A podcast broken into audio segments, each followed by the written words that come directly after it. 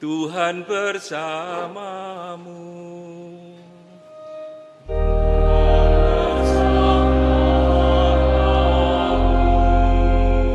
Inilah pewartaan Injil suci menurut Santo Yohanes.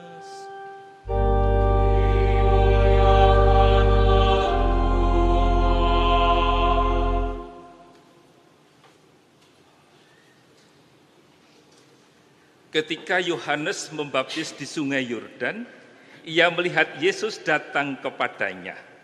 Yesus berkata, "Lihatlah Anak Domba Allah yang menghapus dosa dunia.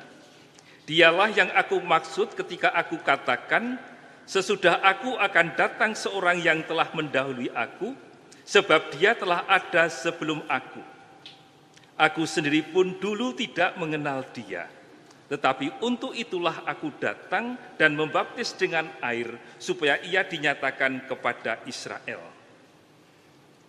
Selanjutnya Yohanes bersaksi katanya, Aku telah melihat roh turun dari langit seperti merpati, dan roh itu tinggal di atasnya. Aku pun dulu tidak mengenal dia, tetapi dia yang mengutus aku untuk membaptis dengan air telah berfirman kepadaku, jika engkau melihat roh itu turun ke atas seseorang dan tinggal di atasnya, dialah yang akan membaptis dengan roh kudus. Aku telah melihatnya dan memberi kesaksian, dia inilah putra Allah. Demikianlah sabda Tuhan. Terpujilah Kristus.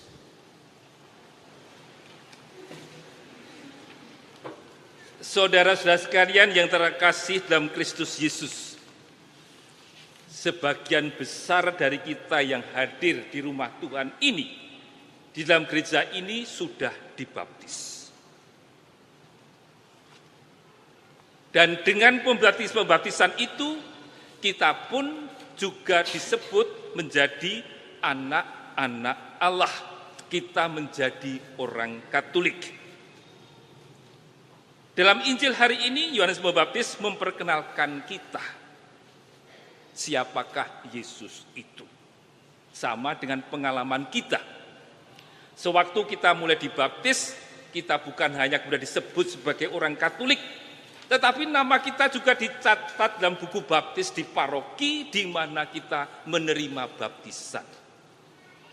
Bukan hanya menjadi punya status baru orang Katolik, tetapi dengan dibaptis kita juga menerima tugas dan tanggung jawab baru, yaitu menjadi saksi-saksi Kristus di dalam kehidupan harian kita. Maka pada hari Minggu pertama sesudah Natal, kepada kita ditawarkan sebuah bacaan tentang pembaptisan Yesus.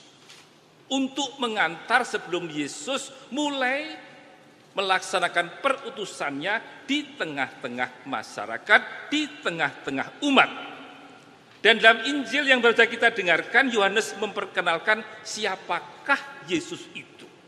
Dan yang menarik para saudara sekalian dalam Injil, Yohanes sendiri mengatakan, aku sendiri pun dulu tidak mengenal dia. Tetapi Allah memberi tanda kepadaku untuk dinyatakan kepada umat Israel. Dengan lain kata, apa yang disampaikan oleh Yohanes Pembaptis merupakan perwahyuan dari Allah sendiri supaya Yohanes Pembaptis memberi kesaksian siapakah Yesus itu sebenarnya. Dan Injil yang kita baca pada hari ini mencatat atau menyebut dua tanda, dua simbol, dua nama untuk mengenal siapakah jati diri Yesus ini, yaitu dalam rupa anak domba dan merpati. Anak domba dan merpati. Mari kita lihat satu persatu apa apa maknanya kalau Yesus disebut sebagai anak domba dan ada tanda burung merpati turun atasnya? Maknanya apa? Yang pertama, anak domba. Lihatlah anak domba Allah yang menghapus dosa dunia. Kata Yohanes Pembaptis sebelum membaptis Yesus. Untuk kita orang Indonesia, barangkali anak domba ini tidak cukup akrab dalam hubungannya dengan persembahan dengan kebaktian-kebaktian kita. Untuk itu kita perlu belajar dari apa yang dikatakan kitab suci.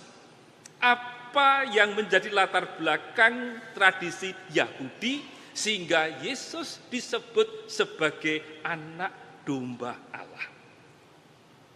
Orang Yahudi kalau mendengar kata anak domba Allah, pikirannya, bayangannya langsung kembali kepada malam Paskah orang-orang Yahudi. Yaitu saat bangsa Israel dibebaskan dari perbudakan di Mesir. Dalam kitab keluaran diceritakan bagaimana pada malam Paskah itu setiap keluarga Israel harus menyembelih anak domba Darahnya kemudian dioleskan pada daun pintu, kemudian dagingnya nanti dimakan.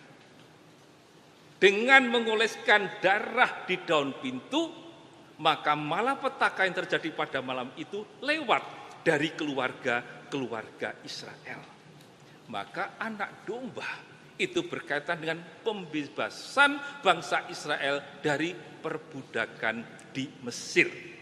Pembebasan dari perbudakan di Mesir. Maka kalau Yesus diberi nama anak domba, Yesus yang nantinya disalib juga menampakkan bagaimana dia telah membebaskan kita dan menebus dosa-dosa kita.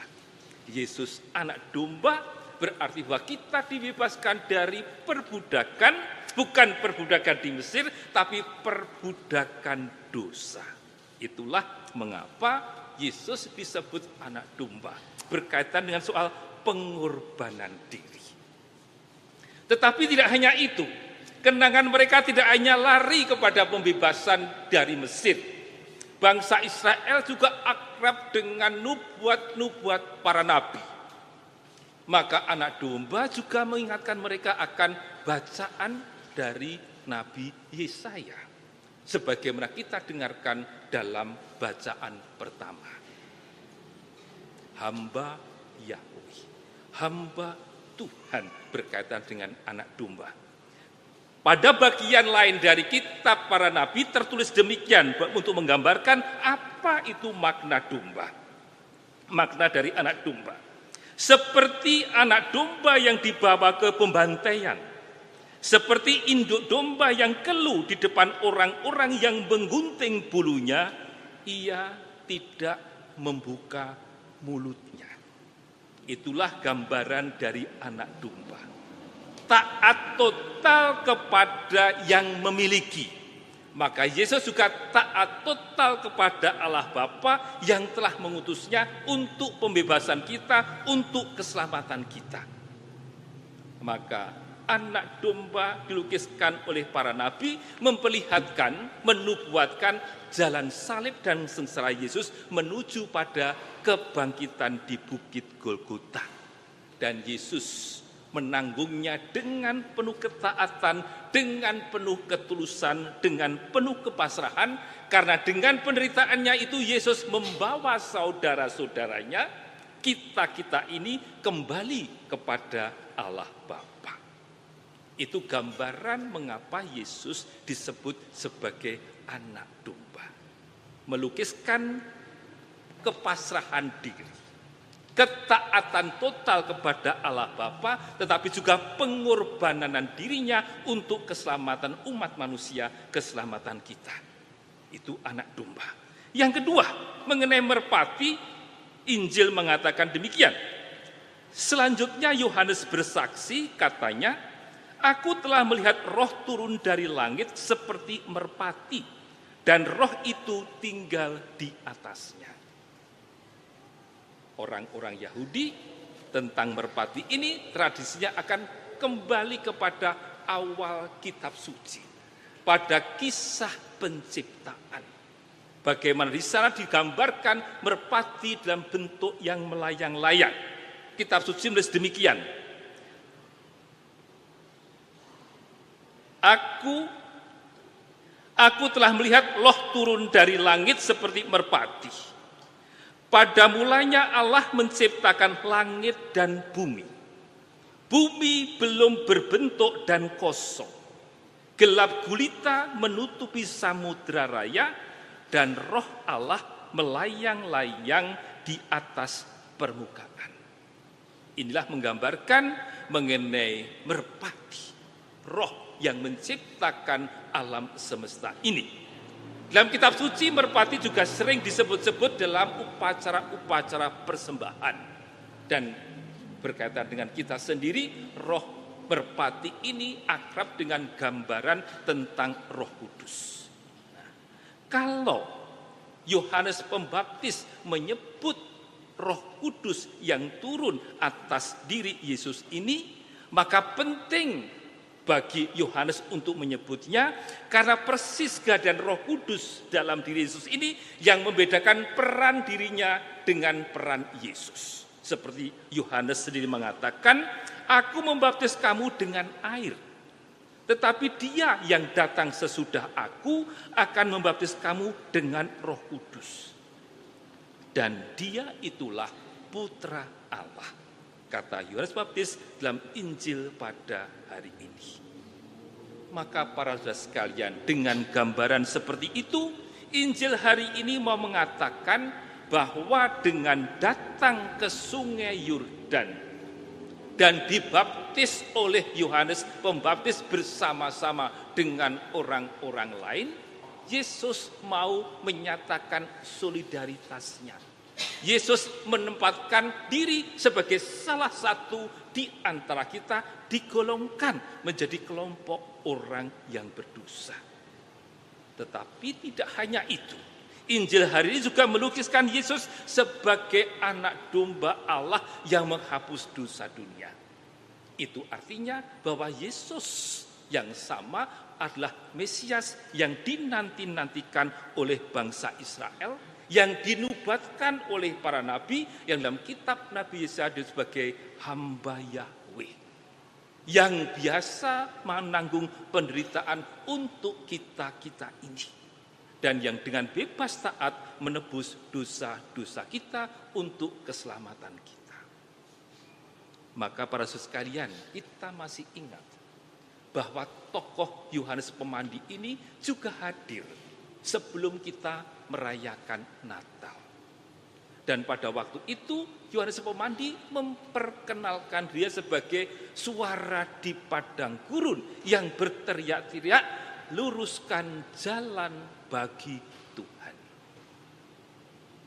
Yohanes pemandi yang sama menjelang perutusan Yesus di tengah-tengah masyarakat kembali memperkenalkan Yesus. Kali ini memperkenalkan Yesus sebagai anak domba yang menghapus dosa-dosa dunia. Maka pada saat sekalian, apa hubungannya antara Yohanes Pembaptis dengan Yesus. Injil hari ini Yohanes mengatakan demikian. Aku membaptis kamu dengan air. Tetapi dia yang datang sesudah aku akan membaptis kamu dengan roh kudus. Dan dialah anak Allah. Maka biarlah dia semakin besar dan aku semakin kecil. Inilah warta dari Yohanes Pembaptis tentang dirinya. Selalu membedakan dia antara dia dengan Yesus. Karena dia datang untuk mengantar kedatangan Yesus Sang Mesias. Betapapun populer namanya, betapapun terkenal namanya, Yohanes selalu menempatkan diri bahwa dia adalah yang mengantar Yesus Sang Mesias datang ke tengah-tengah dunia di tempat lain dia mengatakan, membuka tali kasutnya pun aku tidak layak. Dan dia selalu menempatkan di sebagai orang yang menjadi saksi kedatangan Yesus. Oleh karena itu para sekalian, Injil hari ini berbicara tentang Yesus, jati diri Yesus. Tetapi Yesus sendiri dalam Injil pada hari ini tidak berbicara apa-apa. Yesus masih menjadi bahan pembicaraan, tetapi dia belum berbicara apa pun. Baru minggu depan. Dan pada masa-masa biasa, Yesus akan tampil dengan pewartaannya. Yesus tampil dengan ajarannya. Yesus tampil dengan tindakan-tindakan dan karya-karyanya. Mulai minggu depan pusat perhatian kita akan lebih terarah kepada Yesus. Yang dilakukan, apa yang diajarkan. Dan kita sendiri bersama dengan kisah Injil hari ini dengan dibaptis kita menerima tugas perutusan dan menjadi murid-murid Kristus. Tugas kita apa sebagai murid Kristus? Tugas kita adalah untuk menjadi saksi-saksi Kristus. Dan apa artinya menjadi saksi Kristus? Yohanes memberi tahu kepada kita menurut atau mengutip kata-kata Yohanes Pembaptis menjadi saksi berarti membiarkan Yesus semakin besar dan kita semakin kecil. Kita semakin banyak berbuat banyak tetapi dalam nama Yesus atas nama Yesus. Lewat tindakan-tindakan kita, kita mencoba untuk memperkenalkan nama Yesus. Lewat karya-karya gereja, gereja mencoba memperkenalkan nama Yesus. Tetapi kesaksian pada akhirnya adalah membiarkan nama Yesus semakin besar, nama kita semakin kecil. Itulah yang kita mohon dalam Ekaristi pada pagi hari ini. Membiarkan Yesus namanya semakin besar dan kita semakin kecil.